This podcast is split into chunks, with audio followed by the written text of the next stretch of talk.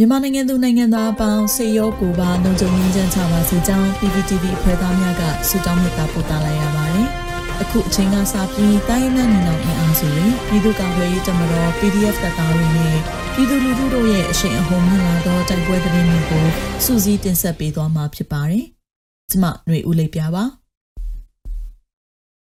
ထမဦးစွာမော်လိုက်တွင် ပြူစောထီစစ်တင်နန်းစခန်းကို PDF ဝင်တိုက်မှုစစ်ဘိုးတဦးနှင့်ပြူစောထီ3ဦးသေဆုံးကလက်နက်5လက်နှင့်ကြီးများတင်ဆက်ရမိတဲ့သတင်းတင်ဆက်ပါမယ်။စကိုင်းတိုင်းမော်လိုက်မြို့နယ်တွင် ပြူစောထီစစ်တင်နန်းစခန်းကို PDF ဝင်တိုက်မှုစစ်ဘိုးတဦးနှင့်ပြူစောထီ3ဦးသေဆုံးပြီးလက်နက်5လက်နှင့်ကြီးများတင်ဆက်ရမိကြောင်းမော်လိုက်ပြည်သူ့ကာကွယ်ရေးတပ်ဖွဲ့၏ထုတ်ပြန်ချက်အရသိရှိရပါသည်။ People's Defense Force ကလေးဝါ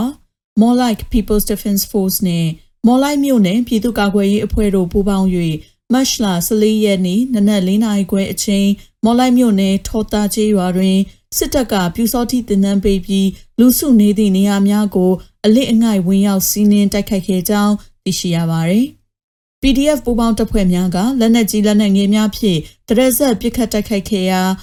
ပြူစောတိစစ်စခန်းကိုဝင်ရောက်သိမ်းပိုက်နိုင်ခဲ့ပြီးစစ်တပ်မှစစ်ဗိုလ်တအုပ်နှင့် ပြူစောတိ3ဦးတို့ကိုအသေးပစ်ခတ်နိုင်ခဲ့ကြောင်းသိရှိရပါတယ်။ထို့အပြင်ကာဘိုင်တနက်9လက်ကာဘိုင်ကြီး850တောင်းနှင့်9.56ကြီး390တောင်း A3 ပုံတီနှလုံးဖုံး6လုံးတို့ကိုတင်ဆက်ရမိခဲ့ပြီးပြူစောတိကောင်းဆောင်အင်ကိုလည်းမိရှို့ဖျက်ဆီးခဲ့က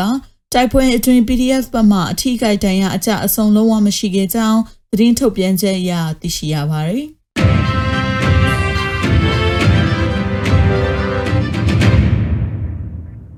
ဆက်လက်ပြီးကတာတိုက်ပွဲတွင်စစ်ကောင်စီတပ်ဖွဲ့ဝင်30ဦးထပ်မံတေဆုံးတဲ့တဲ့တင်ဆက်မှာပါ။စကိုင်းတိုင်းကတာမြို့နယ်အေယာဝတီမြစ်ကြောင်းအတိုင်းစံတက်လာသည့်စစ်တပ်သင်္ဘောနှစ်စီးကိုရှော့တိုက်တုံးနှလုံးဖြင့်ပစ်ခတ်တိုက်ခိုက်ခဲ့ရာချက်ကောင်းထိပြီးသင်္ဘောအတွင်းပိုင်းတွင်ကြာရောက်ပောက်ကွဲခဲ့သဖြင့်စစ်သား30ဦးထပ်မံတေဆုံးကြောင်းကတာ PDF ကသတင်းထုတ်ပြန်ထားပါတယ်။ဆက်လက်ပြီးမန္တလေးမှာဘုံခွဲပိုက် တိုက်ခိုက်မှုများဖြစ်ပေါ်ပြီးစစ်သားတအုပ်သိဆုံးတဲ့သတင်းတင်ဆက်မှာပါ။မတ်လ14ရက်နနက်ပိုင်းမန္တလေးမြို့62လမ်းနှင့်တိတ်ပန်လန်းတောင်မီးပွိုင်း၌လမ်းသွားလမ်းလာများကိုဖမ်းဆီးငွေညှစ်နေသည့်စစ်ကောင်စီလက်ကင်းတပ်ဖုံးဖြင့်တိုက်ခိုက်ခံရပြီးစစ်ကောင်စီတပ်ဖွဲ့ဝင်၄ဦးဒဏ်ရာရရှိသွားကြောင်း Mandalay Black King Scorpion Guerrilla Force of Mandalay Mandalay Ranger Force PDF ဟာ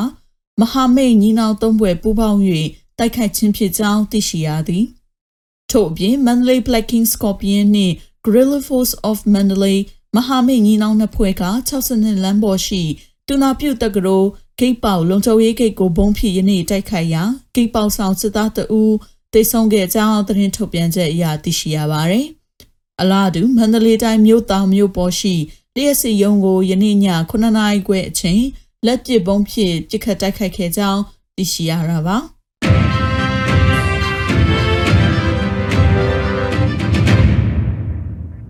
တပည့်ရင်ဆိုင်ပြင်းရဲစခန်းရှော့တိုက်တုံးဖြင့်အထူးခံရတဲ့သတင်းဆက်လက်တင်ဆက်ပါမယ်။စကိုင်းတိုင်းတပည့်ရင်မြို့နယ်ဆိုင်ပြင်းမြို့ရဲစခန်းကိုမတ်လ12ရက်နေ့ည8နာရီအချိန်ရှော့တိုက်တုံးဖြင့်6လုံးဖြင့်ကောင်းကင်ဆွဲတော်ဘိုးစရနှင့်နင်ဂျာဘတ်တလင်တို့ကပြစ်ခတ်တိုက်ခိုက်ခဲ့ကြောင်းသိရှိရပါတယ်။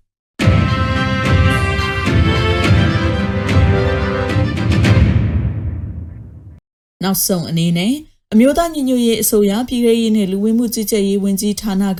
2022ခုမတ်လ15ရက်ရက်စွဲနဲ့ထုတ်ပြန်တဲ့ပြည်သူ့ခုခံတော်လှန်စစ်တရင်ချက်လက်တွေကိုတင်ဆက်ပေးသွားမှာပါ။အာနာသိန်းကျန်းဖက်စစ်အုပ်စု၏ပြည်သူလူထုအပေါ်ကျန်းဖက်ဖိနှိပ်ဖန်ဆီးတိုက်ခိုက်တပ်ဖြတ်နေမှုများကိုပြည်သူလူထုတရက်လုံးကအသက်ရှင်သန်ရေးအတွက်မိမိကိုယ်ကိုမိမိခုခံကာကွယ်ပိုင်ခွင့်ရပြည်သူ့ခန့်စစ် People's Defensive War ကိုဆင်နွှဲလျက်ရှိပါတယ်။တရင်ချက်လက်များအရာ